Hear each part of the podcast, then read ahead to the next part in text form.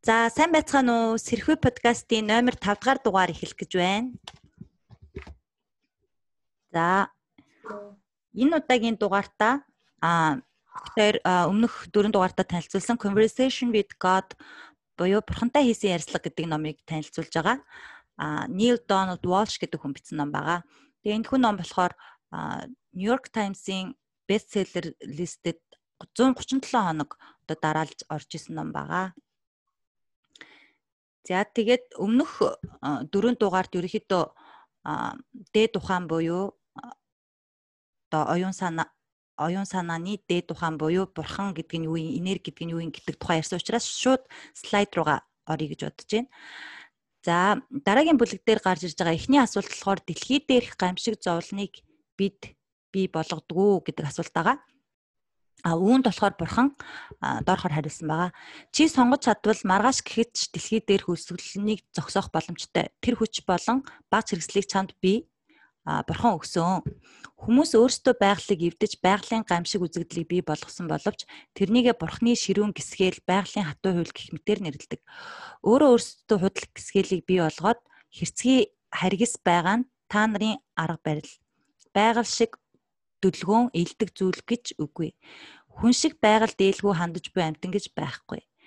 Чи сонгож чадвал маргааш гэхэд ч ой мод сүрэн алга алга болж байгааг ч дайн дажныг ч зогсоох боломжтой гэж бурхан хариулсан байгаа. За энэ дээр болохоор тэр хүч болон багц хэрэгслийг өгсөн гэдгийг бурхан болохоор ерөөхдөө бид нар л ингээл нөгөө дэлхийн янз бүрийн байгалийн үзэгдэл зовлон гацагдалт ингээд нэрвэгдээд байна гэж өөрсдөө ойлгоод байгаа болохоос боловч яг үүндээ бид нар өөрсдөө үүсгэж байгаа шүү гэдгийг өмнөх бүлэг дээр ярьсан. А тэгээ энийг одоо зогсоох бүх багц хэрэгслийг бол бурхан бидэрт өгсөн байгаа гэж хэлж байгаа. Энд дээр солонгоо нэмэх юм байгаа юу? Аа тэр нөгөө Монгол ухааны лекцэнд бас сууж байхад юу хэлдэг вэ гэхээр Аа Монголчууд бол бас энэ байгальтайгаа их зохицож амьдардаг. Аа байгаас үүдэгдэггүй аа тэр байгалийн зам ёсыг дагаж амьдардаг юм бэлгийн арт түмэн гэж хэлжсэн л та. Тэгэхээр орчин үеийн нэг баг сүүлийн дэлхийн түүхийн 100 жил чинь нөгөө ажилтар хөгжөөл уул уурхаагаар одоо маш их сүйтгэж гэн газар тариалангаар одоо ой модыг шатааж байгаа л газар тариалангийн газар гаргаж авах ч юм уу. Тэгэл далай гиси чи одоо нефт янз бүрийн нөө хортой бодис хийдэг ч юм ингээл маш амар сүйтгэл явагдаж штэ тий. Энэ бас яг бидний хөгжлийн зам биш гэдэг нь л юу харагдаад байгаа гэж ойлгочлаа штэ. Аа. Энэ янзаараа ингээд яваад байвал дэлхийн ер нь тисхүү. Тийм тий. Тэгээ хамгийн гол нь бид нар өөрсдөө одоо өөрсдийнхөө үйлдэлтэй одоо байгаль тогоо хаях одоо юу гэдэг тэр байглаа харилцахгүй байгаа тэр үйлдэлүүдээ байгалийн гамшиг мэд бид нар зүг зүгээр яж хахад ингээ ирээд байгаа юм шиг бити хилээ. Тэгээ тэрийг нөгөө бурхан гэдэг юм чи ийм харгас бурхан л бидрийг одоо шийтгээд байна гих мэтэр одоо хүлээж авдаг нь бол одоо өөрийнхөө хариуцлагаас зүхтж байгаа л нэг үйлдэл юм байна л да. Тийм болохоор бурхан бол хизээч тийм хатуу биш. Тэгээ байгаль гэдэг чинь бас өөрөө бурхны нэг хэсэг шүү дээ. Бид нар бурхны нэг хэсэг гэдэгтэй ижилхэн манай дэлхий байгаль ч гэсэн нэг хэсэг. А тийм болохоор эн чинь өөрөө яг бурхан шигэ маш дүлгөөн зөөлөн ийдэг зүйл байгаагаар л байлах юм бол тэр байгаль чинь байгаагаараа л чамд хамаг хайр халамж бүх сайхан над дэлгэж үзүүлнэ гэсэн үг болоод байгаа байхгүй юу? Тэ? Аа. Тэ. Тийм би энэ дээр бас нэг айгүй эмзэглсэн хэсэг бол хүн шиг байгальд ээлгүй хандж байгаа буюу амтан гэж үгүйгээ. Тий одоо хүнээс бусад амтан энэ дэлхий дээр амьдрахгүй байгаа юм шиг л ер нь одоо нохоо ихслээ гээл нохоонуудыг бас Монголд нөгөө устгаад идэм шиг үлээ. Эсвэл одоо юу гэдгийг. Тэр бол надад бас айгүй хүн өөрийгөө ямар агуу гэж бодоод байна те Одоо энэ дээр чинь зөвхөн хүн амьдраад байгаа биш шүү дээ. Маш олон амьтан амьдарч байхад өөрсдийн эгоогоор шууд за энэ амьтан ихсэд байгаа юм чинь одоо энийг шууд устгах нь гээл тэр бол бас л айгүй өөрсдөө л үүсгэж байгаа нэг харгислал юм да тий. Тийм. Нөгөө байгалийн зам ёс гэж байдаг гэд ямар ч байсан хэрвээ бид нар энэ янзаараа ингээд дахиад одоо хэдэн зуун жил чинь явах юм бол угаасаа байгаль дэлхий тисгүй тэгэл бид нар өөрсдөө устгах юм а өөрсдөө хийгээд байгаагаа одоо эртхэн ойлгоод ерөнхийдөө одоо хандлага өөрчлөхөөс өөр аргагүй байдалд орчих шиг байна л да. Тийм тэрийг бид нар хандлага болон ухамсараа өөрчилснөөр энэ гамшиг зовлон гэж юм бол байхгүй болно гэдгийг энд дурдсан байгаа. За дараагийн асуулт болохоор одоо хулгай хийдэг хүчрхийлдэг хүмүүстэй орчныг би лав сонгоогүй шүү дээ. Одоо энэ асуулт нь болохоор нөө бурхан та нар өөрсдөө энийг сонгосон гэсэн чи эргээд асууж байна л та. А үүнд болохоор өсвөлөнтэй ядууралтай байгаа хүмүүсээ тижээх хэрэгтэй эхлээд. Тэг маргааш итгэж чадахгүй ууртай цугласан массын нухар сүсгтэй хандлагыг дуусгах хэрэгтэй. Тэг сексийн тухай буруу ойлголтууд, сексийн энергийг хязгаарлалтуудыг тавьж явуулж секстэй зөв харьцах, гайхамшигыг нь ойлгоход туслах хэрэгтэй. Чи өөрийгөө аврах төлөвлөгөөгөө хэрэгжүүлэх гэж энд ирсэн. Аврах гэдг нь тамаас аврах тухай биш, там гэж байхгүй сөүлээ аварна гэдэг нь ухаангүй байгаа эсгээсээ өөрийгөө аврахыг хэлнэ. Чи энэ тулаанд унахгүй бас алдахгүй. Энд байгаа нь тулаан бус зүгээр л процесс.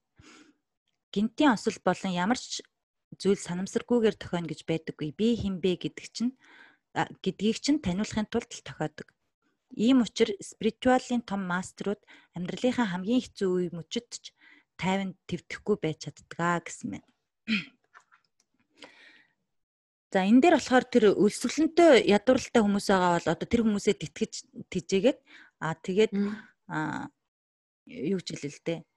Одоо тэр хүмүүс чинь ингээд маргааш ерөөс маргааш ерөөсөө итгэх итгэлгүүд тэгээд майндын ийм мухар сүсгтэй тийм байгаа учраас одоо тэр хулгай гэж юм хийгээд байгаа юм байна л да.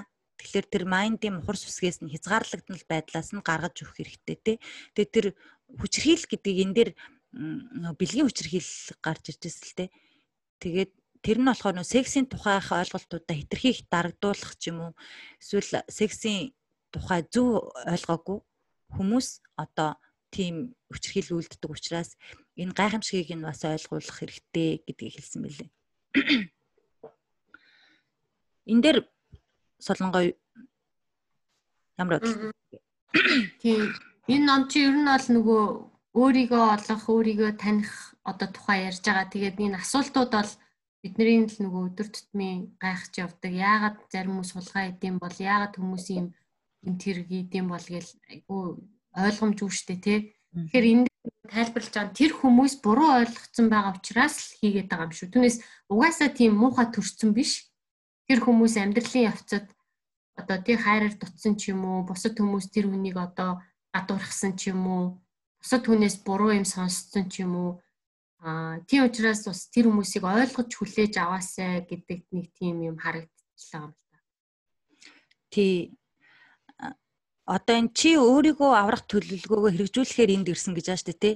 Тэгэхээр тэр өөрийгөө аварч чадахгүй одоо unconsciously гэх юм ухамсаргүйгээр те тийм үйлдэлүүд хийгээд байгаа. Яг ингээд юмыг ухамсарлаад ойлгочих юм бол тэр хүмүүс ч гэсэн өөрөө өөрийгөө энэ гинт хэрэг хийхээс аврах боломж нь бол байхгүй. Угаасаа муу хүн төрнө гэж бол байхгүй. Аа. Тий. Тэрийг энд яриад тах шуга. Бүх хүнийг ондоо ер нь бол бурхан гэж байгаа шүү дээ энэ ном дээр чинь бүгд нэг инээрэг бүгдээрээ нэг аа тэгээд аа тийм учраас одоо юу гэдгийг чи юм уу чи муухай чи гимт хэрэгтэн гэж би бинийгээ шүүлгүүгээр аа бүгд одоо би бинийгээ хайрлая аа зарим хүмүүс яг буруу юм ойлгоод буруу зүйлийг ингээд хийцэн байж магадгүй тий алдаа гаргасан байж болно. Гэхдээ тэр бол тэр хүний сонголт.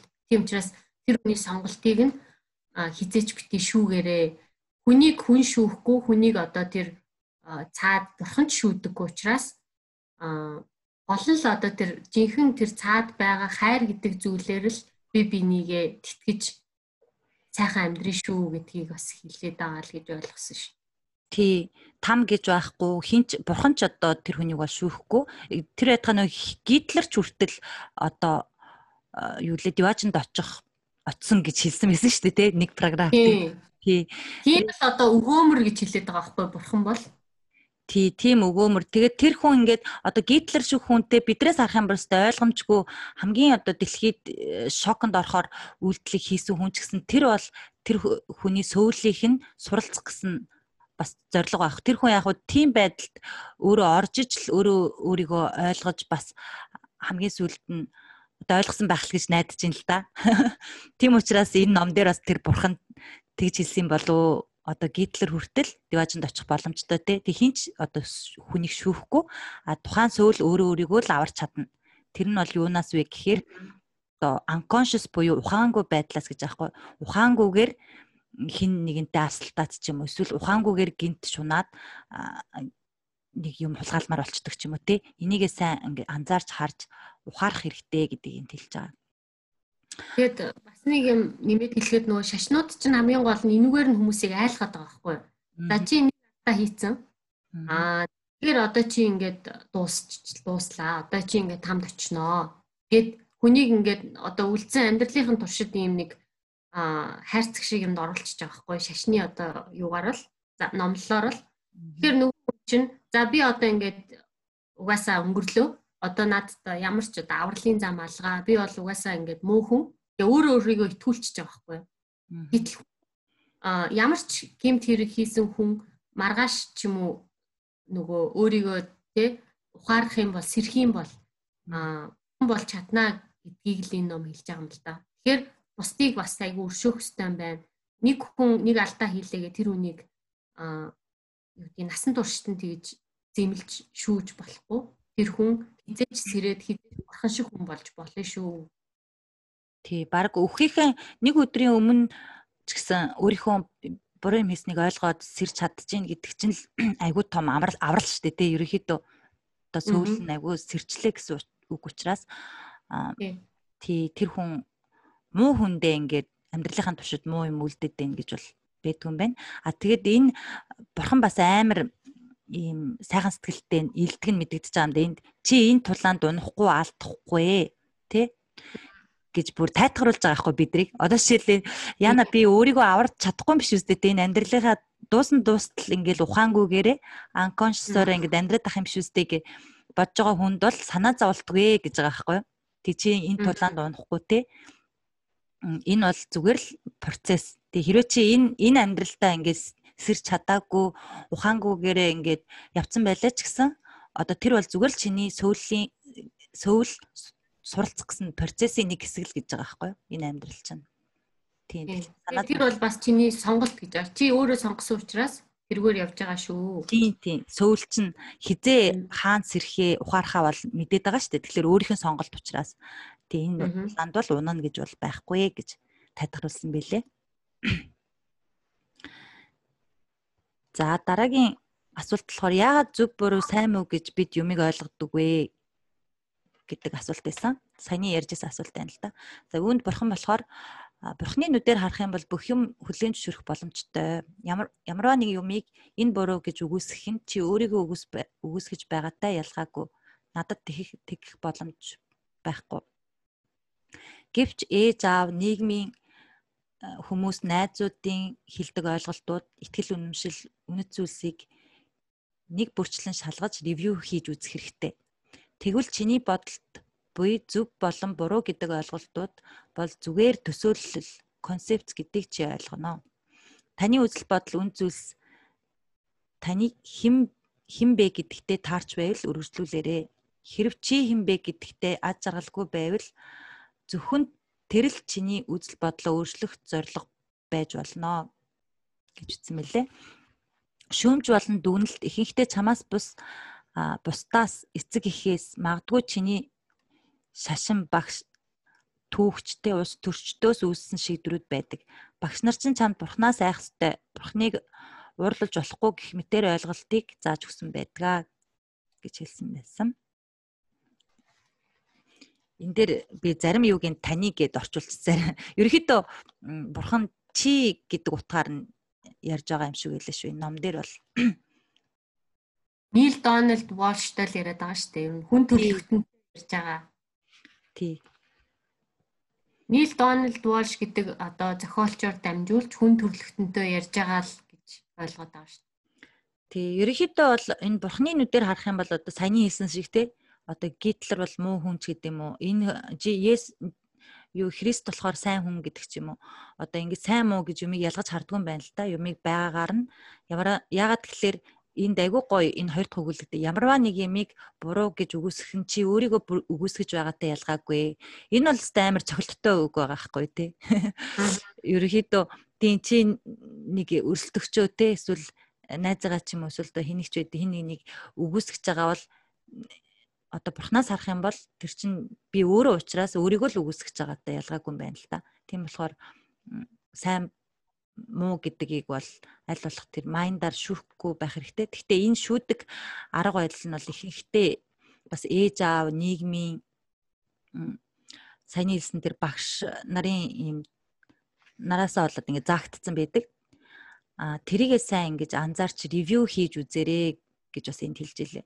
Тэгэд үнэхээр энэ чиний амьдралдаа итгэж ирсэн итгэл үнэмшил үнэт зүйлс чинь чиний яг ямар сөүл вэ те би хинбэ гэдэгтээ яг таарж авах юм бол тэр value буюу үнд зүйлсээ өөрчлөлт авах бол хэрэггүй байх гэж энд зөвлөсөн юм шиг би бол хүлээж авсан. Ер нь бид нар чинь ихэнхдээ нөгөө хүүхд тахасаа тэгэл ээж аав орчин тойрон багш нарынхаа хэлсэн ярьсан юмар нөгөө боддог болсон байгаагаа өөрсдөө ч анзаараг байдаг. Тэгэл одож байгаа телевизэр уншсан ном яг л нөө өөрийн хүрээллийнхаа хэмжээнд сэтгэн өөрийнхөө харж байгаа одоо тэр хүрээндээ л ойлгоод юмыг ойлгоод идэг. Гэтэл уг нь бол юм гэдэг чинь хамаагүй том юм шүү. А тэгээ гол нь чи тэрийг өөрөө өөрөө дотроосоо хайгаарай гэж уриалаад байгаа. Тий. Э, ерөнхийдөө энд болохоор яг тэр чиний хэн бэ гэдэгтээ чинь тэр хүмүүсээс ингэ сонсож сурж өссөн тэр үнд зүйл чинь таарч ивэл болж байна. А тэрнтэй чи яг таарахгүй нэг л юм өөр хүнийг жүжиглээд байгаа юм шигтэй амьдралынхаа туршид эсвэл нэг тэр хүмүүсийн бодол үзэл санаатай ерөөсөө таарахгүй байгаа мөртлөө ээж авдаа тааруулаад за за эдийн засагч болъё. Угаасаа л би эдийн засагч болох хүн гэл тэр чин гэхдээ чамд ингээ ерөөсөө огт таалагдахгүй аз жаргалгүй байгаа ч юм шиг тийм байх юм бол одоо тэр бол анхаарах хэрэгтэй гэж байгаа байхгүй юу? Одоо тэрийг бол өөрчлөлт өөр сонголтоор сольж болно гэж энд бол бичсэн мөлий яагаад тэгэхээр Монголд бол ялангуяа нийлээд байдаг шүү нэг хэсэг чинь. Чи заавал нэг бол хуульч бол нэг бол эдийн засагч болж илүү яг мэдээж одоо тэр тэр үед бол хамгийн одоо боломжийн popular тийм мэрэгжлүүд бол тухайн үе үед бол байгаа бах. Гэхдээ хамгийн гол нь чи яг юу болмоор юм ямар мэрэгжилтэй юм бэ? Яаж ажиллаж амьдрмаар юм гэдгээ хараад тэрнтэй чинь нийцж явах юм бол асуудалгүй гэдгийг бол энд хэлсэн бэлээ. Тэгээ яг яг улс үндэстний хэмжээнд нь харах юм бол одоо жишээлх юм бол өнөөдөр монголчууд яг монголынхоо онцлогоор амьдарж ийн үгүй л үгүй шүү дээ тий. 300 манжийн одоо үзэл одоо шарын шашнаар явлаа. Дараа нь тэгээ 70 жил социализмаар явлаа. Одоо 20 сүүлийн 30 жил Америкийн ардчлал, барууны ардчлал гэдэг үзэл судлаар ингээд явлаа. Тэгээд бид нар яг үндэ өөрсдийгөө үндэсний хэмжээнд олж чадсан уу гэвэл одоо хүртэл олж чадаагүй л болчиход шүү дээ. Яг Монгол онцлог, бидний амьдрал, биологи юу гэдгийг сэтгэлгээний онцлог таарсан нийгмийг бүтээж чадсан уу гэхээр үгүй. А тэр чинь явсаар гад нэг хүн тутам, нэг монгол хүн тутам өөрийгөө олоогүй байгаа учраас манай нийгэм чи өөрөө ингээд жоохон нөгөө замаа олохгүй чигээ олохгүй явах шүү байхгүй. Тэгэхээр хүн болгон ер нь одоо дор бүрнээ өөрийнхөө хин бэ гэдгийг маш сайн дотгошоогоо одоо яах ёстой л гэж бодож юм л та. Бодоод эслэгаад өөрийгөө сайн сонсож өөрийнхөө юу хүсэж байгаа, юу дуртай, яаж амьдрмаар байна гэдгээл одоо маш сайн ойлгох хэрэгтэй юм шиг санагдав. Тий, хүн бүр тэрийг ойлгох юм бол улс үндэстэн ч гэсэн бидний яг ямар үндэстэн хаашаа явах гээд байгаа гэдгээ бас илүү сайн ойлгодог холын бодлоготой болох байх л та тий. Яг саяны Солонгогийн хэлдэг шиг одоо жишээлбэл ерөөсөө л Америкт төгссөн одоо Америк либералтэй ардчлал ярьдаг л бол хамгийн мундаг гэдэг ч юм уу. Ус төрчлөө ах юм бол хамгийн мундаг ч юм уу. Яг нэг юм хідэн тишээ савлаад дээ шүү дээ. Тэгээ нэг улс дотор ингээд нэг Япон хүн ч амьдарч байгаа юм шиг, Герман хүн ч амьдарч байгаа юм шиг ингээд энэ янз бүрийн улсад төгссөн их сургууль дээд боловсрлоо эзэмссэн хүмүүс өөр өөрсдийн тэс юм өөр үзэл бодолтой. Тэгээ нөө тэр үзэл бодлоо чи яг яг өөрийнх нь тэр үзэл бодол байх юм бол бас болж байгаа хгүй одоо би бол яг те миний valueтай энэ германыхны герман хүмүүсийн энэ айж амьдарч байгаа байдал философи бол маш их таардгаа гэдгийг ойлгоцсон. Тэгээд өөрийнхөө value болгоо явж явуулаас болж лайн л та. Хамгийн гол нь одоо зүгээр л нөө герман улсад сураад тэдний бүх боловсролыг номер 1 гэж ботцсон байдаг ч юм уу. Нэг тийм хандлага бол ажиллагтаад идэг л та. Одоо Америк Америк хамгийн мундаг гэдэг ч юм уу. Тэгээд гол нь бусдыгаа хүлэн зөвшөөрөхөө байждаг. Айгу туйлшрамтгай. Тэр авах байл аваад яг өөрийнхөө онцлог тааруулаад синтезлээд авах юм чинь. Бүр тэр чигээр нь туйлшраад бүр энэ бол одоо эцсийн одоо сонголтоо энээс өөр газар үгүй гэдэг шиг ингээд хитрхи бус. Тэгээд тэрүүгээрээ тэр өөрөө хайрцагт орцноо мэдхгүй бусад хүмүүсийг ингээд шүүгээд чи буруу ярьж чи болоогүй байж гэдэг юм уу? Тэгээд ингээд хоорондоо ерөөсөө ойлголцож чадахгүй ингээд хідэн талд очиж буруу хараа суучиж байгаа Тийм бүр нэг э, олон улсын хүмүүс нэг улсад амьдарч байгаа юм шиг л байдаг шүү дээ тий. Үзэл бодол. Тийм, ер нь бол Тий, тэгэл зарим баг явж явж тэр хөдөө малаа малж байгаа малчин хүмүүс ч хамгийн зөв хэлж байгаа юм билүү мэдгүй штэ. Ерөнхийдөө мэдгүй штэ. Тий. Тэгэхээр яг одоо энэ улсын замаар явах хэвээр энэ одоо хамгийн мундаг гэдгийг бол айгуу сайн өөрийнхөө value-тай тулгаж харж ах хэрэгтэй юм шиг байна. Ер нь би ямар хүн бэ? Энэ value энэ хүмүүсийн ярьж байгаа юм надтай тохирж гин үгүй юу гэдгийг те. Аа. За. Дараагийн слайд. Дараагийн одоо асуулт гэх юм уу ярилцсан зүйл болохоор хүсэл болон хэрэгцээний ялгааны тухай байсан. А энэ үүнд бурхан болохоор хүсэл тэмүүлэл гэдэг бол бүхий л бүтээлийн хамгийн эхлэл гэж хариулсан байгаа. Хамгийн ихний бодол хүсэл бол сөүлийн хамгийн дээд мэдрэмж. Бурхны хүсэл гэж юу вэ гэвэл нэгдүгээрт би өөрийгөө таньж мэдхийг а биеэрээ үзэж туулахыг хүсдэг. Хоёрдугаарт миний чамд өгсөн хүчин чадлаар дамжуулаад чамайг бас өөрийгөө таньж биеэрээ туршихыг хүсдэг. Гуравдугаарт амьдралын процесс нь бүхэлдээ тогтмол баяр баясгал үргэлжийн бүтээх хязгааргүй тэлэлт одоо гэдэг цаг мөчийн бүрэн сэтгэл ханамжийг мэдрэх, биеэр туулж үзэх процесс байхыг би хүсдэг. Ингиж бүрэн мэдрэмж авах үед Чи үргэлж над шиг бүрэн баяр баясгалтай, хайраар бэлгсэн, хүлээн зөвшөөрсөн азтай талхалтай гэдгээ гэдэг мэдрэмжийг авнаа. Чи үнэт зүйлсээ шалгаж үзээд ертөнцид итгэл үнэмшил би хинбэ гэдгээ төвдлгүй, санаа алдалгүй хэлж чадаж байвал чи аз жаргалтай байна гэсэн үг. Энэ хамгийн сүүлийн өгүүлбэр ер нь айгүй надад бол чанга тусч илээ. Тийм. Чи одоо тий өөрийнхөө үнэт зүйлсээ шалгаж үзээд тэгээд э, одоо э, энэ ертөнцлөө гэсэн дээ. Энэ өгүүлбэрийн жоо сонир бичиж энэ ертөнцлөө өөрийнхөө итгэл үнэмшил би чи ийм хүн гэдгээ ямар ч одоо хезитэйшнгүүгээр хэлж чадах юм бол чи маш азаргалтай байна. Яг өөрийнхөө хинбэ гэдгээр амьдарч байгаа юм байна гэж хэлсэн билээ. Аха. Тийм, энэ дээр нөгөө нэг бурхан чинь би бол чи, чи бол би гэдэг байгаа шүү дээ. Нэг юм аа бид бурхан бид нар бүгдээрээ нэг цул энерги. Тийм учраас би чамаар дамжуулж өөрийгөө таньж авч байгаа юм шүү. Аа чиний биеэрээ туулж мэдэрч байгаа зүйлийг би бас мэдэрч байгаа. Тэгээд аа чамд миний хүч байгаа шүү. Бурхны хүч байгаа. Бүх хүч би чамд өгсөн. Чи зүгээр тэндээс сонгох сонгоол. Тэгэл юу одоо энэ амьдралдаа юу үдэж туулмаар байна? Тэрийгэ үдэж туулаарэ гэж бэлэг өгж байгаа л гэсэн үг байхгүй тий?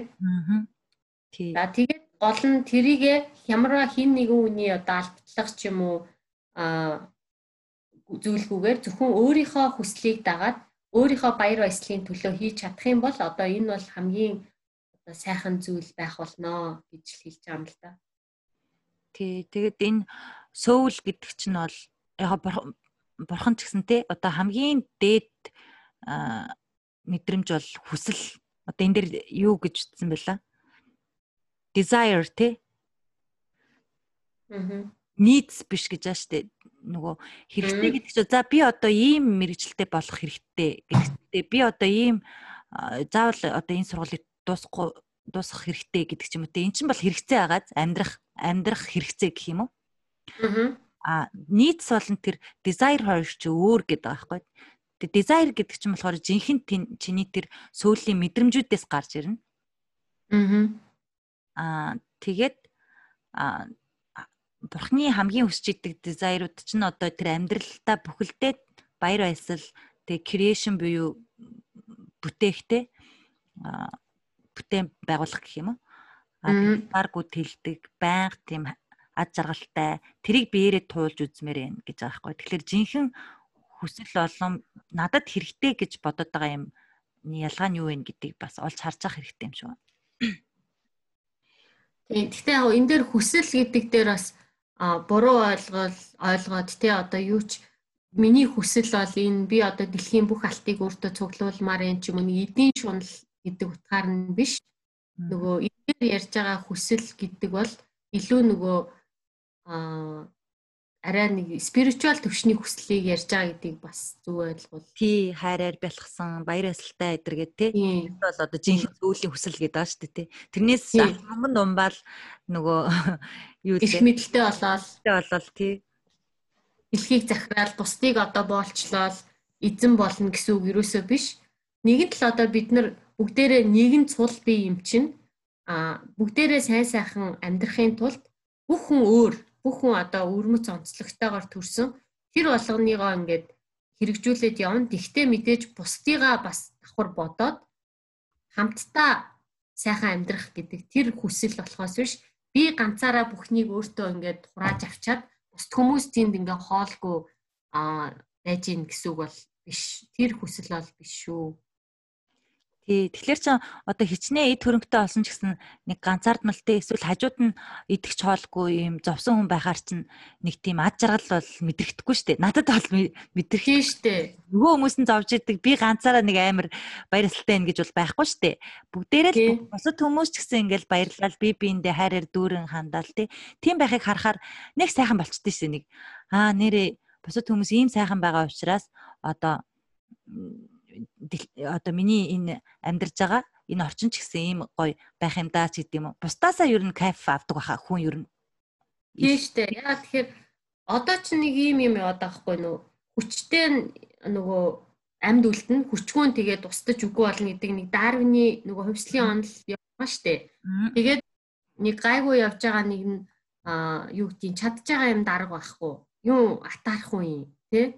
Би одоо илүү их чамаас ажилласан болоод би ингээл сэргэлэндэл би ингээл айтаахан явж байгаа тэргээд нэг юм сонин юу гэдгийг юу хэлээд а шалтак одоо тайлбар тавиад тэгээд нөгөөдхөө тэр эдийн шунлаа нэг тийм айгүй тийм амьдралын одоо зорилгоо олцсон амьдралд айгүй амжилт олцсон гэж ойлгоод байгаа хүмүүс бас одоо дэлхийгээр дүүрэн байгаа шүү дээ. Тий. Гэтэ яг тэр эдийн шуналд баригдаж байгаа процесс бол яг уу сөүлийн талаас нь харуул тэр хүний сөүлд бол айгүй хэрэгтэй. Одоо тэрийг ингэж мэдэрч жижил тэр сөүл дараагийн юм ойлгоод дараагийн стейж рүү явах ахalta. Одоо тий одоо бид нар чинь ингээл нуулс төрчтөө муулал гэж идэв штэ. Тэдэн мэн тэдэн тэр бумаар нийцсэн мэн гэл. Яг энэ нэг талаас нь харуул ингээд энэ хүмүүс яг жинхэнэ сүүлийн баяр баясгал гэдгийг ойлгохгүй байгаа. Одоо би ганцаараа сайхан тэгээ бусад ард түмэн нь ядууралтай золонтой байх юм бол тэр хүн жарахгүй дээ. Тэр хүн яг үүндээ дотроо золонтой л байгаа байхгүй юу? ерөнхийдөө харин тийм бусад хүн зовж байгаа учраас хүн ер нь цаана хизээш нэг тийм ганцаараа баясаад нэг баяртай байдгүй штэ тий сайн сайхан байж ижил хүний сэтгэл амардаг шүү дээ. Тэгэхээр тэрийг бол мэдэрч л байгаа. Тэгээд яг хуу энэ эдийн шуналтай амьдрна гэдэг нь бас нэг өөрийнх нь тэр нэг сөүл нь хөгжих нэг процесс нь явагдаад байгаа юм даа л гэж бодод идэв шүү дээ. Энэ номыг уншаал гэж ойлгосон л тоо. Тийм тэгээ энэ ном дээр хамгийн гол нь юу гэдэг нэг би бүгдээрээ би нэг юм шүү гэдгийг л бүр дахин дахин хэлээд байгаа шүү дээ. Би бол чи чи бол би шүү. Бид энд нэг ганцхан энерги зүгээр харахад ингээд тус тустай хүмүүс яваад байгаа юм шиг мөртлөө яг үнэндээ бол энергийн төвшөндөө бол бид нэр зүгээр л нэг юм цул гэрэл юм шүү гэж хэлээд байгаа шүү. Тий. Би бол чи, чи бол би гэдгээ л ойлгочих юм бол ерөөсөө одоо сэрчлэл гэсэн үг шүү дээ. Тэрийг яг ингээд тэ өөр дээрээ мэдрээд ойлгочих. Тэр бол сэрэл. Тэр бол одоо бүр бүрэн сэрсэн л гэсэн үгтэй баг тий.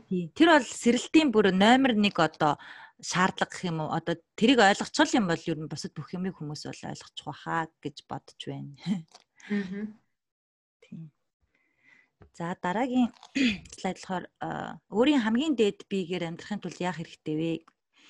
Ямар бие болмоор байна вэ? Тэр өөрийнхөө хамгийн агуу дээд хэмжээнд бодож, үг хэлж, үйлдэлээ ухамсарлаж өөрчлөх хэрэгтэй.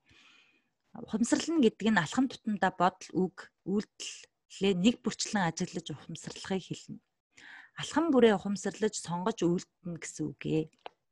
Ингэснээр чи амьдралынхаа талыг ухаангүйгээр unconscious буюу ухаангүйгээр туулж өнгөрөөснийгээ мэдэж ойлгох болно. Дээд энергитэй нийцэхгүй бодол, үг, үйлдэл бүрийг өөрөөсөө холдуулж явуулах хэрэгтэй. Энэ нь асуудлыг харахгүй тоохгүй байна гэсэн үг биш юм аа.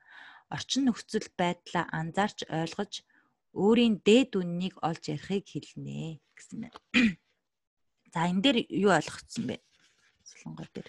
Энэ бол одоо бүр гайхамшигтай л хэсэг гэж бодож шүү дээ. Яа тэгэхээр бид нар нөгөө нэг байнга л ингээл муу амлал явж идэв шүү дээ. Одоо нийгэмч тэгээд айгүй бухимдалтай болохоор одоо угаасаа алхам тутамдаа л хэцүү юм гарч ирж илэн л да. Гэтэ дор бүрнээ үг үйлдэл одоо бодлоо маш сайн хянаад яг нэг тэр дээд биегээр л амьдруул одоо тэр их сайхан амьдрал болно л гэж байна. Одоо Монгол ухаанаар бол нөгөө амны бэлгээс аштын бэлэг те ер нь Монгол хүн бол тийм муу амлдаггүй ёс ёс ёсондоо тийм те тийм ёс заншилтай. Дандаа сайн амлж явдаг сайн юм бодож явдаг бусдын сайныг хүсдэг бусдад одоо талархдаг а байгаль дэлхийгээ хайрладаг. Одоо ер нь дандаа л ийм зөв бусдыг ингээд өрөвд айгу өрөвчгөн сэтгэлтэй гэдэг монголчуудын бас онцлог байгаа дээ. Тэр онцлог одоо улам бүр цааш нь сайжруулад тэрийгээ бүр ингээ үндэстний онцлог болгоод те маадгүй дэлхийд хүмүүс монголчуудыг айгүй тийм өрмөц онцгой хүмүүс байдгийг шүү. Одоо дандаа сайн үг хэлдэг, дандаа сайн юм боддог, дандаа сайн зүйл үйлддэг ийм одоо үндэстэн байдаг юма гэж хэлтэл нь бүр тийм хэмжээнд тултал одоо бас хүн тус бүр тийм болчих юм бол Монгол улс шууд л тийм болно шүү дээ тий. Тэр тийм Эний одоо супер үндэстэн болох бас боломж байгаа гэж би бодоод байгаа байхгүй юу? Тий.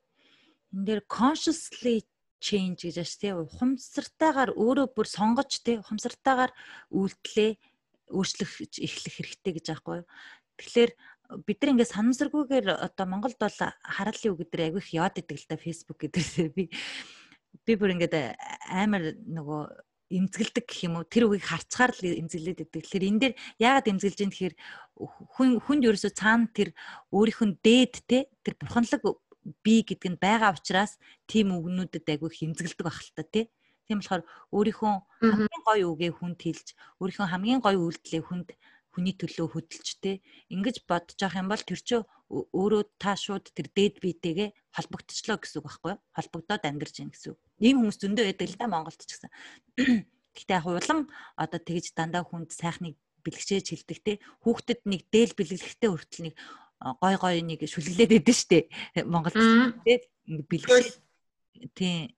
Нэг нэг жоох хүүхдэд дээл бэлгэлэхтэй нэг Тэр эдэр бол яхаа аргагүй тэгж бэлгшээх гэдэг ойлголт бол дээр үесээ монголчуудад байсан байгаа байхгүй.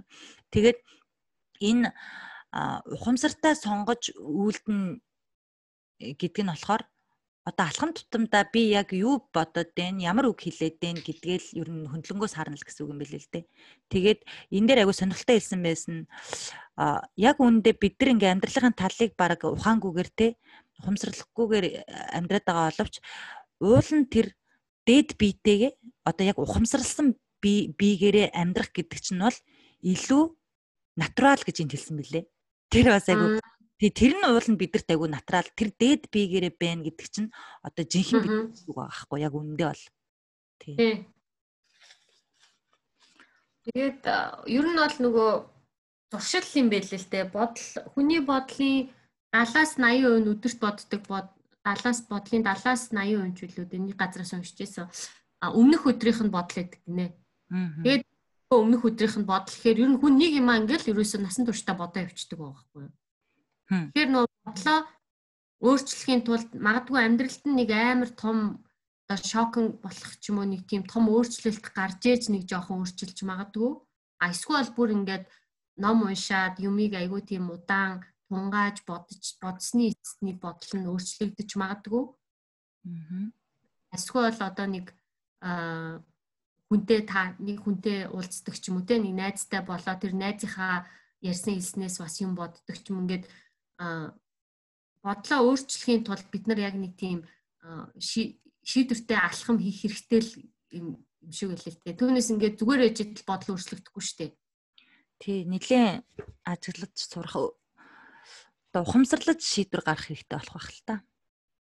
Тий, ер нь за би одоо бодлоо үгээ үйлдэлээ а сайн сайхан луу гэрэл гэгэрүү хайр луу сайхан сэтгэл рүү аваачи гэвэл одоо тэрийг ингээд маш юм хумсартайгаар өдөр тутам бүр ингээд зуршил олгож ийж тэр ингээ явандаа амьдрал дээр ингээд яг эхлээд бодлоо бодлоо засна дараа нь үг засагдаад ирнэ. Тэгээ үйлдэл засагдана гэж байгаа шүү дээ тий. Хамгийн түрүүнд бодол засагдах ёстой тий. Тэгэд энэ хамгийн сүүлийн өгүүлбэр дээр нөгөө за энэ дандаа л ингээл сайхныг хилээл дотроо ингээд ерөөсөө сайхан юм бодоогүй юм байж штэ юмыг тоохгүй асуудлыг харахгүй тоохгүй байна гэсэн үг бол биш гэж байгаа байхгүй юу. Тэр бол ийм хуурамч гарч ирэх ёсгүй. Одоо сайхан биш юм биш. Сайхан байна гэж хэлээд ах биш. Одоо тэр мэдрэмжээ яг байгаагаар нь хүлээж сонс гэж байгаа байхгүй юу. Аа. Тэгснэр нөгөө нэг яг би юун дээр одоо эмзэглээд ингээд энэ сайхан биш гэж бодчихв тий тэрийгээ ингэж айгуу сайн хөндлөнгөөс одоо анзаарч харах гэдэг чинь л ухамсартай сонгох гэдэг хэлээд байгаа юм билэ. Тэрийгээ ингээ олол харчих юм бол хүн одоо аа за за би ийм энийг ингэж одоо дэмжлээдсэн юм байна гэдгийг л олчих юм бол худлаа хурамчаар одоо сайхан хэл үг хэлэх шаардлагагүй гэх юм уу? Зүгээр цаанаасаа за за би одоо энийг ингээ буруу ойлгоцсон байсан юм байна гэдгийг ойлгочих хэрэгтэй л гэсэн үг юм билээ л дээ. Тэгээ яг энэ номыг уншсны дараа ерөнхийдөө энэ ном чи айгүй хэм тайлбартай юмыг цаад учир шалтгааныг ойлгуулах юм ном учраас энэ номыг уншсны дараа бол бас айгүй бодол цэгцэрсэн. Миний хувьд бол бас зөв тал руугаа цэгцэрсэн л гэж би бодож байгаа шүү. Тий.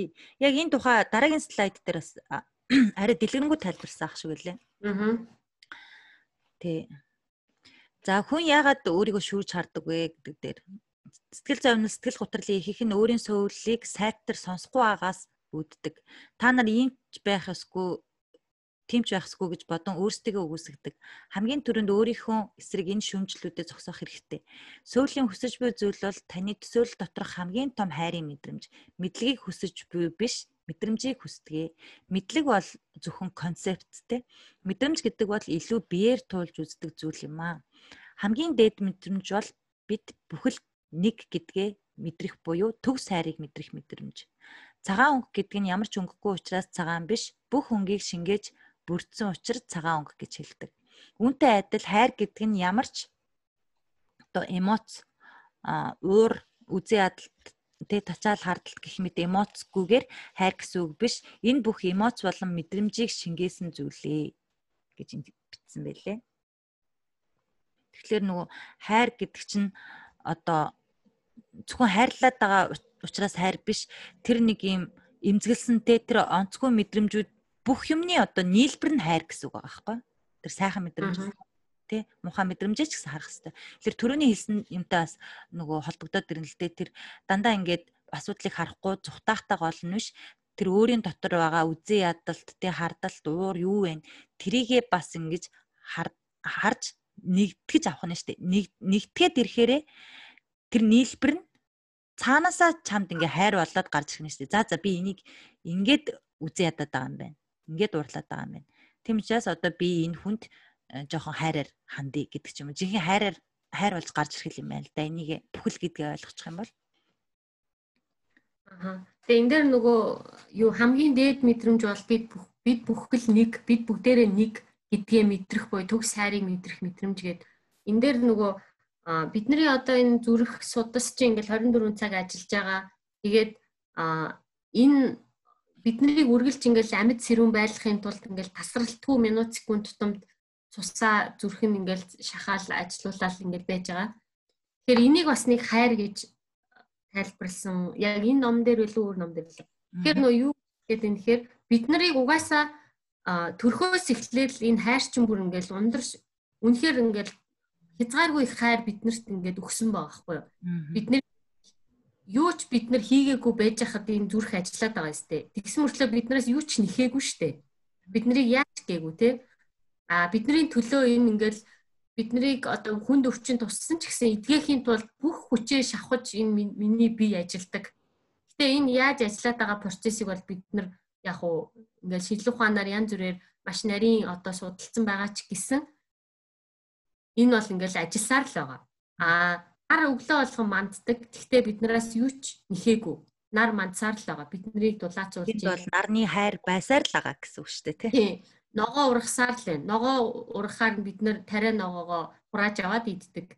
Ингээд биднийг ингээд бид нар ер нь бол мөнгө төлөөгүй мөртлөө ямар их хайрын дунд байгаа лээ. Нөгөө ковидын үеэр чинь нөгөө юу лээ сэхэн амьдруулах тасагт хэвтгэхдээ өдрийн хэдэн мянган доллараар лээ нөгөө уушигны аппараттай байж байгаад эдгээд гарч ирчээд би чинь үнгүү хүчил төрөгчөөр ингээд амьсгалж ийсэн аа одоо л мэдлээ гэд нэг хүн ярьсан гэд бичсэн. Тэгэхээр нөгөө бид нар ямар их хайрын дунд байгаагаа ер нь бол ойлгодоггүй гэдэг байгаа байхгүй юу? Бидний ингээд төрөгч үртэл биднийг хайраар тэтгэжтэй амьсгалуулж байгаа. Ер нь биднийг ингээ амьсгалуулах албатай юу те? А энэ зүрх ингээ ажиллаж явах нар мандаад байгаа юм тий. Наргүй бол шууд өгнө үстэй. Тэгээ хөлтөөл. Тэгээд бидний энэ зүрх цус ингээл үргэлж биднийг эдгээх ямараа нэгэл шарах үслээ тэр чинь ингээл эдгээх гээл ингээл хамаг бүх хүчин чадлаараа би ажилладаг гэж байгаа байхгүй юу. Өөрөө өөрийгөө тэгдэг. Тэгээ энэ нэг тийм байх ёстой юм гэж боддог чинь бид нар айгүй тийм нөгөө утуу ойлгосны л бас нэг шинж баг л та. Тэгэхээр бүх юм нэг гэдэг утгаараа энэ хорвоо дэлхийн энэ ертөнц нар сар а ус за тэгээд агаар тэгээд за бусад амьтад ногоо цэцэг бүгд бидний төлөө чимшиг ингээл оршин байж байгааг бид нар бас мэдэрч амьдрах хэрэгтэй юм болов өглөө болгон нар руу хараад баярлалаа гэж хэлэх хэрэгтэй. Аа. Тий. Ер нь бид бүхэл нэг гэдэг чинь зөвхөн хүмүүс бүгдээрээ нэг шүү гэдэг хэлээд байгаа ш. Бид нар ерөөсөө энэ окторгоо ертөнцтэй нар сар энэ нөгөө орчлон гэж хэлдэг шүү дээ тий. Nothingness ч гэж хэлдэг. Тэгээ энтэйгээ ерөөсө бүхэл нэгдмэл юм шүү гэдгийг л хэлээд байна. Тэгэхээр бид нар бол нарнаас энерги аваад хэдэн өдөр нэг бороо цас орчхоор ингээд бүр нэг сэтгэл гониглаад идэв шүү дээ. Эхний хэдэн өдөр амар тантаа хийжсэн аа. Тий. Тэр чи яа харахгүй мэдээж бороо одоо цас идэрч гэсэн биднийг тэтгэж байгаа. Тийм гоё мэдрэмж өгдөг тий. А тэгтээ юм бүхэн гэдэг чинь цаанаа холбоостой гэдгийг бас хэлж байгаа юм байна лээ. Тэгээ энэ дээр одоо шинжлэх ухаанч хүн бол одоо бас бид бүхэл гэж юу яриад байна гэж бодож магадгүй. Одоо жишээл хамгийн энгийн жишээ гэхэд шинжлэх ухаанч хүн хүртэл одоо өөр дээр мэдэрч болохоор хамгийн энгийн жишээ бол одоо юу штэ. А одоо хүмүүс бүгдээр л адилхан уйлдаг тийм үү? Бүгдээ янз бүрийн арьс өнгөн ингээд өөр байсан ч гэсэн нэг юм сэтгэл догтлохоор кино үзэхэр бүгдээ адилхан сэтгэл догтлоо ч юм уйлаад ч юм уу. Нэг Иран Иран ч илүү улсад нэг хүүхдүүд нөгөө амар олноороо нэг дайнд үүд болоодсэн шүү дээ тий. Тэр үед ингээд ямар ч хүн одоо бүр амар шинжлэх ухаанч хүн ч гэсэн ингээд тэр видеог ингээд үзчихээр нэг юм сэтгэл нэг эвгүй оригдог доо. Нэг тэр хүүхдтэй бол үнэндээ ямар ч хамаагүй штэ уулна. Тэр одоо шинжлэх ухаанч тэр туршилт хийгээд байгаа хүн бол тэгтээ ингээд тэр хүүхдийн видеог хараад хэрвээ таны дотор ингээ ямар нэг юм эмзэглжээвэл тэр чинь ерөөсө холбоостой байгааг л илэрхийлж байгаа байхгүй та адилхан мэдрэмж байгаа шүү дээ бидний дунд чинь. Царай нь өөрч яг адилхан уйлж байгаа, яг адилхан баярлж байгаа. Тэ одоо урлагч нь бол нөгөө үндэстэн гэж байхгүй гэдэг чинь бас тийм учиртай ахтал гэж би боддог л доо. Урлагийг хараад хүн болгон л ойлгодог те. Тий. Тэгээд нөгөө бас нэг юм үг байдаг штэ. Төгс одоо сэрсэн хүн бол зүгээр инээн гэж байгаа байхгүй юу? Аа. Зүгээр инээн. Тэр нь юу гэсэн би бол тэрийг би ойлгохдоо а үнэхээр сэрсэн хүн бол бүх юмыг ойлгоод за энэ төгс хайрын дунд би байгаа юм байна гэдгээ мэдрээд шууд зүгээр инээд л хүрнэ гэж байгаа. Өөр юу ч бодогдохгүй өөр хамгийн одоо дээд мэдрэмж чинь одоо ад жаргал буюу инээд хөөр штэ. Тэгэхээр бид нар нөгөө үргэлж одоо инээгээгүй үедээ юунаас болоод инээгээгүй би юун дээр ингээд өөрийгөө хайрлагдаагүй дутуу гэж ойлгоод байна гэдгийг анзаарч аймаар л юм байл л дээ. Тэгээд буцаагаад бодохдоо бид нар юугаарч дутаагүй яваа шүү. Бид нар үнэхээр гайхамшигтай их хайрын дунд байгаа шүү. Эдгийг л үргэлж санаж явах ёстой юм болов уу гэж бодсон. Тийш шүү. За дараагийн слайд болохоор эргчлөө гэж юу вэ гэж асуулт байгаа.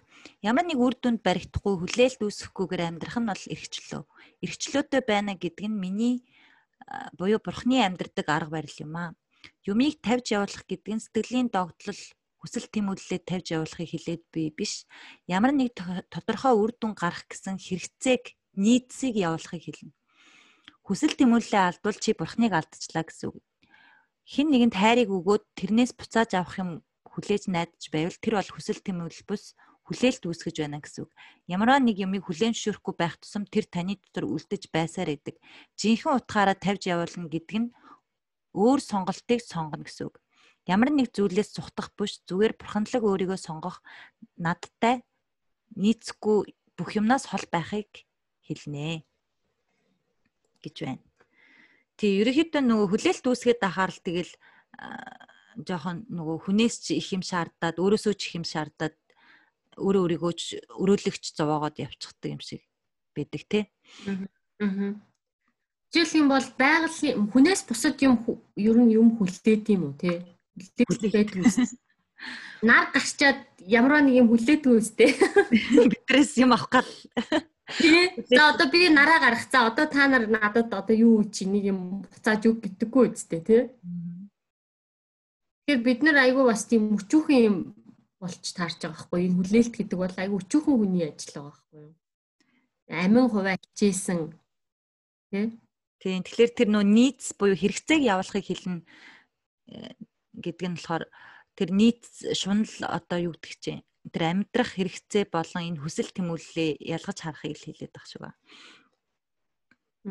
Тэгээд энэ эрхчлөө гэдэг дээр бол бас манайхны нөгөө сүүлийн 30 жил ардчлал эрхчлөө гэж баахан үзэл сурталаар явлаа. Тэгээд буруу ойлгоод байгаа хгүй эрхчлөө гэхээр хин дуртай нь юу дуртайгаа хийж болоод бусдыг одоо дээрлэхэж болно. Дураараа ёс зүйгүй авиралж болно тий. Эсвэл нийгэмд буруу үлгэр дуурайд үзүүлж болно гэд ингээд буруу тийш нь ойлгоод буруу тийш нь туйлшруулад байгаа юм шиг надад санагдаад байгаа хгүй юу. Аа тэгээд э, энэ бол миний эрх чөлөө. Би ер нь яасан чи яад ингээ хүнд гай болдог ч юм уу те нийгэмдээ гай болох, улс орондоо гай болох юм хийчээд энийг эрх чөлөө гэж ойлгуулад тэгээд э, та нар ч гэсэн одоо юу гэдэг те та нар ч гэсэн ингээл хүсүүлийн юм хийхгүй яасан ингээд аа ийм байдлаар энэ тэр эрх чөлөө биш шүү. Энэ номон дээр байгаа эрх чөлөө бол бүр нөгөө тэр спиритуал буюу тэр оюун дээд оюун ухааны төвшний эрх чөлөөг ярьж байгаа шүү. Түүнээс ч дураараа ажиллаад хүнийг хүнд төвөг учруулах эрх чөлөө биш шүү гэдгийг бас хэлмээр юм л да. Тийм тий. Ерөнхийдөө нөгөө хүмүүс ингэх ёстой, тех ёстой гэд өөр дээр хариуцлагыг авахгүй бусад хүмүүс рүү ингээд хамаг хүлээлтээ өгөөд тий иймч улс байх хэвээр, ийм ч дарга байх хэвээр, дарга хүн бол ийм байх хэвээр гэдэг ч юм те. Тэдрийгээ ерөөхдөө болчих юм бол илүү чи өөрийгөө эрхчлөлтөй болгоно гэдэг хэлж байгаа шүү. Аа. Энэ бол нөгөө юуны оюун ухааны одоо хайрцагнаасаа гарах эрхчлөлөөг ярьж байгаа л да. Одоо энийг хайрцагт оруулчихж байгаа штэ бидний чи одоо сургууль сургаал тэгэл шашны номлолтой номлолоороо ч юм уу үзэл суртал суртлаараа ч юм уу а нэг хайрцагт орцсон байгаа. Тэгээд хүний үгээр яваад дээ шүү. Иннээсээ гараарай. Энэ хүлээснээсээ гараад яг өөрийгөө олоорой. Өөрийнхөө дотоод мэдрэмж сэтгэлийг сонсоод тэгээд тэндээс чиний эрх чөлөө, жинхэнэ эрх чөлөө гэдэг чинь тэнд байгаа шүү гэдгийг бас хэлж байгаа. Тий. А тэгээ бас хүлээлт нэг үр дүнд нь яалгүйгээр эрх чөлөөтэй байх. Аа. Одоо үр үр дагавар нь бишээ гарах үр дүн ямар байсан ч хамаагүй чиний хэрвээ дуртай чиний одоо мэдрэмж одоо тэр сайн сайхан бодлыг чинь итгэж байгаа тийм зүйл байгаа бол чи тэрийг хийгээрээ бусад хүмүүс одоо чи ямар сони юм ярьдیں۔ гэж хэлсэн ч хамаагүй тэрийг хийгээрээ гэж тэгж бас хэлж байгаа. Өөрийнхөө сонгосон юмараа л тий одоо ээж аав ээж аавд бас нэг бодол байгаа. Гэхдээ тэрийг одоо дагах ёсгүй гэсэн үг биш л дээ. Гэхдээ өөрийнхөө дуу хоолойг хамгийн сайн сонсох хэрэгтэй. Нэгдүгээр тэгээ хүнд гай удахгүй те хүнд хүлээлт үүсэхгүй амьдрах гэдэг нь л эрхчлөө юм шиг байгаа юм те. Өөр дээрээ бүх хариуцлагыг аавна гэдэг чинь бас нөгөө тал бас маш эрхчлөөтэй байна гэдэг чинь маш хариуцлагатай зүйл байгаа байхгүй тий. Өөрөө сонголтоо хийгээд тий явна гэсэн үг байна. Тэгэхгүй болвол үгүй та тэгэж хэлээл тэгэл би энэ мэрэгчлийг сонгоцсон гэд буруу чихэдэж болохгүй зү тий. Тий тэрийг хэлж байгаа шүү. За дараагийн слайд болохоор за энэ одоо хоёр слайд баг шиг байна. За хүмүүстэй харилцах харилцаанд аж аргалтай байх арга гэдгийг бурхан бас хэлж өгсөн мөлий. Хүмүүс хоорондын харилцааг өөрийн зорилгод бус тухайн харилцааны зорилгод ашиглах хэрэгтэй. Хүмүүстэй харилцах харилцаанд үргэлж үл ойлголцол бол учир нь чи өөрийн хамгийн дээд агуу гайхамшигтай талаа бүтээж илэрхийлж биеэр туулж үзхийг үргэлж чамаас шаарддаг. Бусад хүмүүс орон зай үйл явдлуудтай харилцах харилцаан дунд л чи энэ ертөнцид байх боломжтой. Дээд мэдрэмжээрээ харвал учирсан бүх хүмүүс өнгөрсөн бүх туршлагыг бүтээлчээр харах учир чи учрал харилцаа бүртээ талархна. А дээд мэдрэмжээр харвал гэсэн үг байна. Биш үү? Тэдгээр учрал харилцаа нь чиний хэн бэ гэдгийг бүтээхэд хэрэглэгдэж ирсэн эсвэл хэрэглэгдэх ёстой байсан гэдгийг чи ухаарах болно.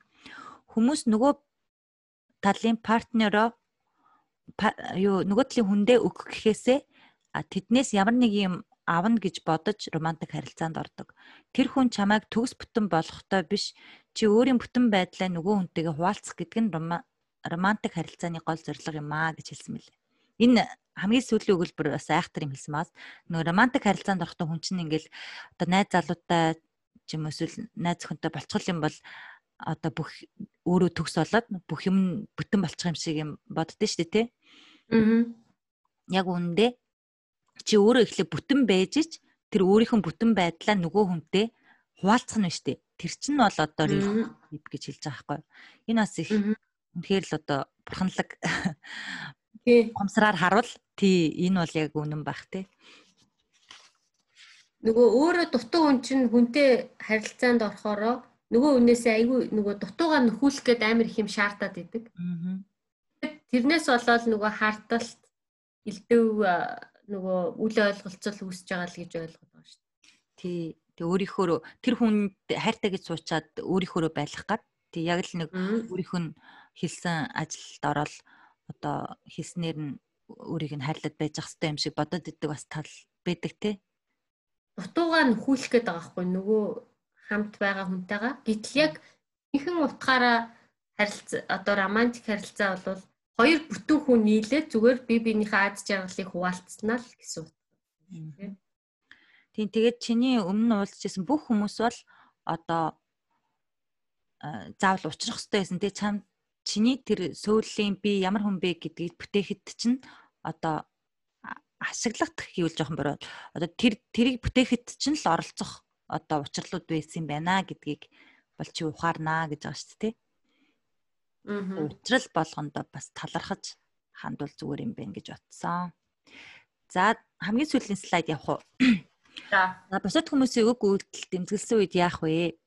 За бусдын үйлдэл эмзэглсэн бол яг тэр мэдрэмжээ байгаар нь өөртөө хүлээн зөвшөөр. Эмзэглэхээс та нар айдаг. Эмзэглэж байна гэдэг гэ мэдрэх нь өөрийг чинь муу харагдуулах үйлдэл мэт санагддаг. Өөртөө байгаа мэдрэмжүүдээ хүлээн зөвшөөр чадлагүйгээр чи яаж бусдын мэдрэмжийг ойлгож хүлээн зөвшөөрөх юм бэ? Өөрийгөө хэн баймаар байна вэ гэдгээ таних тулд өөрийн дотор би жинхэнэ мэдрэмжүүдээ эмзэглэлээ хүлээж авах нь чухал. Бурхны маструуд бүх зовлонгийн үрээс өөрийгөө хөгжүүлэх боломж байдгийг мэддэг учраас а тэдгээр маструуд бэрхшээл гуниглалт ч талархаж ханддаг. Хүлээлт нь харилцааг эвдэж орхидог гинэ. Бид бусдыг юу гэж харж байна вэ гэдгээр нөгөө хүн чинь бас өөрийгөө хардаг. Чи тэднийг томоор сайнаар харах тусам чиний харьцаж буй хүмүүс ч сайнаар өөрийгөө чамд илэрхийлэх болно. Энэ бас яг одоо энэ хүн муу хүн байна гэж шууд шүүж харахаас илүү чи тэр хүнийг ийм сайн талтай юм байна. Энэ хүн ийм гоё талтай юм байна гэж сайнаар харах тусам дээд биегээрээ харах тусам тэр хүн бас чам дээд биегээ үзүүлж эхлэх нь шүү дээ, тий? Аа энэ бол хүмүүсийн харилцаанд маш чухал point байх гэж бодож байна. Тий. Тэгээд энэ эмзэглэхээс та нар айдаг гэд ерөөхдөө одоо нэг юмд ингээ эмзлэхээр өөрөө айгу сул дорой юм шиг мэдрэмж төрчдөг штеп хүн. Аа. Тий тэрнээс бол ерөөсөө айх хэрэггүй өөрийн тэр мэдрэмжүүдээ ингээ хүлээн зөвшөөрчих юм бол одоо бусдын тийм мэдрэмжүүдийг ч гэсэн ойлгож чаддаг болно гэж байгаа байхгүй. Тэгэхээр өөрийн дотор байгаа тэр эмзэглэлүүдээ ойлгож хүлээн зөвшөөрөх гэдэг нь нөгөө талаараа бурхан руу ойртох одоо мэдрэмж гэдэг чинь бурхнаас ирж байгаа мэдрэмж шүү дээ тий. Тэгэхээр тэрнтэйгээ холбогдох бас нэг хамгийн чухал аргачлал юм байна. Ер нь нөгөө хүн өөрийгөө уучлах чадаагүй бол бусдыг ч уучлах чаддгүй. Ер нь өөртөөгөө яаж ханддаг хүн байна? Хүн бусадтай яг тэгж ханддаг юм шиг шүү дээ. Тэгэхээр өөрийнхөө мэдрэмжийг ойлгоод хүлээн зөвшөөрөөд өөрийгөө уучлаад өөрийгөө хайрлах чадсан хүн бол бусдыг ч гэсэн яг тэгж чадна. Тэгэхээр өөрийгөө л эхлээл бүтэн болгоод тэ дутуугийн мэдрэмжээ сайтар ойлгоод хинч байхгүйсэн ч гэсэн өөрөө өөртөө байж чаддаг хэмжээнд те өөрийгөө ойлгох хэрэгтэй. Тэгсний дараа бол одоо бүх хүмүүстэй харилцаа бол сайжрах нь шүү дээ те. Хүмүүсийг ч ойлгож чаддаг болно тийм. Энэ номон дээр чи нөгөө өөрийгөө хайрлах тэр нөгөө учир шалтгааныг зааж өгч байгаа шүү дээ. Яагаад өөр өөрийгөө хайрлах гэд хэлээд хүн өөрийгөө хайрлахгүй л дээ. Аа. Тэгэхээр энэ номон дээр болохоор өөрийгөө хайрлах тэр нөгөө шалтгааныг хилээд өгч байгаа байхгүй юу вэ гэхээр чамайг угаасаа хайраар хайраас бүтээсэн юм аа. Чи бол хайр, чи бол бурхан. Бурхан бол хайр. Аа тэгээ бид бүгдээрээ нэг. Энд ямар ч одоо чи би устаа гэсэн ойлголт байхгүй. Тийм учраас аа чи өөрийгөө хайрлна гэдэг чинь бурхныг хайрлж гин гэсэн үг, бусдыг хайрлж гин гэсэн үг. Хэрвээ чи өөрийгөө үзэн ядж байгаа бол чи бурхныг доош нь хийж гинэ гэсэн үг ээ чамайг өөрийн чинь бүтээсэн хүнийг чи яаж одоо ингэж доош нь те доор дорд үзэж чадчихээн вэ? Чамайг бүх сонголтыг чинь чамд өгсөн. Чамд бүх одоо хайрыг бүрэн өгсөн. Чи тэрийг сонгох чиний ажил. Чамд бүх сонголт чамд байгаа. Чи тийм учраас хайрыг сонгоорой. Хайрыг сонгох юм бол чамд бүх юм ингээд бэлэн байж л одоо ч байж л байгаа. Ирээдүйч байж л байна. Чи ямар ч алдаа хийсэн байж болно чи яаж ч буруу юм боддог байсан байж болно хамаагүй чамайг үргэлж уучлна хэдэн мянган удаа ч уучлна. Гэхдээ чамайг харилсаар л байна. Гэд энд нөгөө нэг өөрийгөө хайрлах тэр нөгөө учир шалтгааныг ингээд зугуухан хилээл яваад байгаа байхгүй юу? Тий энэ ном дээр бол яаж харилт сурах уу гэдэг бол маш дистаралтаагаар тий нарийн тайлбарсан байна. Игсэн мөртлөө хингийн тайлбарлаад байгаа. Тэгэхээр энэ номыг уншсны дараа бол хүн одоо шууд одоо сэрдэг одоо бэлгийн нүд нь ер нь нэгдсэн ч юм уу одоо нилээ энерги сайтай нилээ одоо зүүн совын сайтай хүмүүс бол би бол шууд сэрнэ л гэж бодож байна. Сэрээд яах вэ гэхээр өөрийгөө эхлээд одоо бүр дээд хэмжээнд хайрлна. За харилцсан хүн бол ойлгомжтой хажуудах хүмүүсээ хайрлна. Хорвоо дэлхийг хайрлна, улс орноо хайрлна, өв сургамлыг хайрлна. Ингээл ерөөсөө амьдрал тэр чигээр хайраар бэлхэж эхлэх гэж ойлгож Тий, маш сайн. Тэр бол одоо сэрх хэд бол хамгийн одоо чухал зүйл ах. Бас нэг чухал зүйл бол би нэмэт хэлэхэд бол сая энэ дээр ч гэсэн бичсэн байгаа. Тэр өөрийнхөө сул тал тий эмзэглэлүүдээ айцуудаа ч гэсэн хүлэмжшөрөөд тий би чи ийм хүн юм байна, ийм юм дэмзгэлд юм байна, ийм зүйлсээс одоо айд юм байна. Тий өөрт ийм зүйл учраас одоо айд юм байна ч гэдэм үү. Тиймэрхүү зүйлээ ямар ч юм шүүхгүйгээр зүгээр хүлэн зөвшөөрөх юм бол аяндаа таны дотор байдаг тэр хайр чинь бол өөрөө өөрийгөө хайрлах хайр бол гарч ирэх баха гэж найдаж байна. За ингээд өнөөдрийн дугаараа өндөрлөх үү? За тий. За тэгээ тэгээ дараагийн 6 дугаар хүртэл түр баяртай баярлаа. Баяртай баярлаа. Баяртай.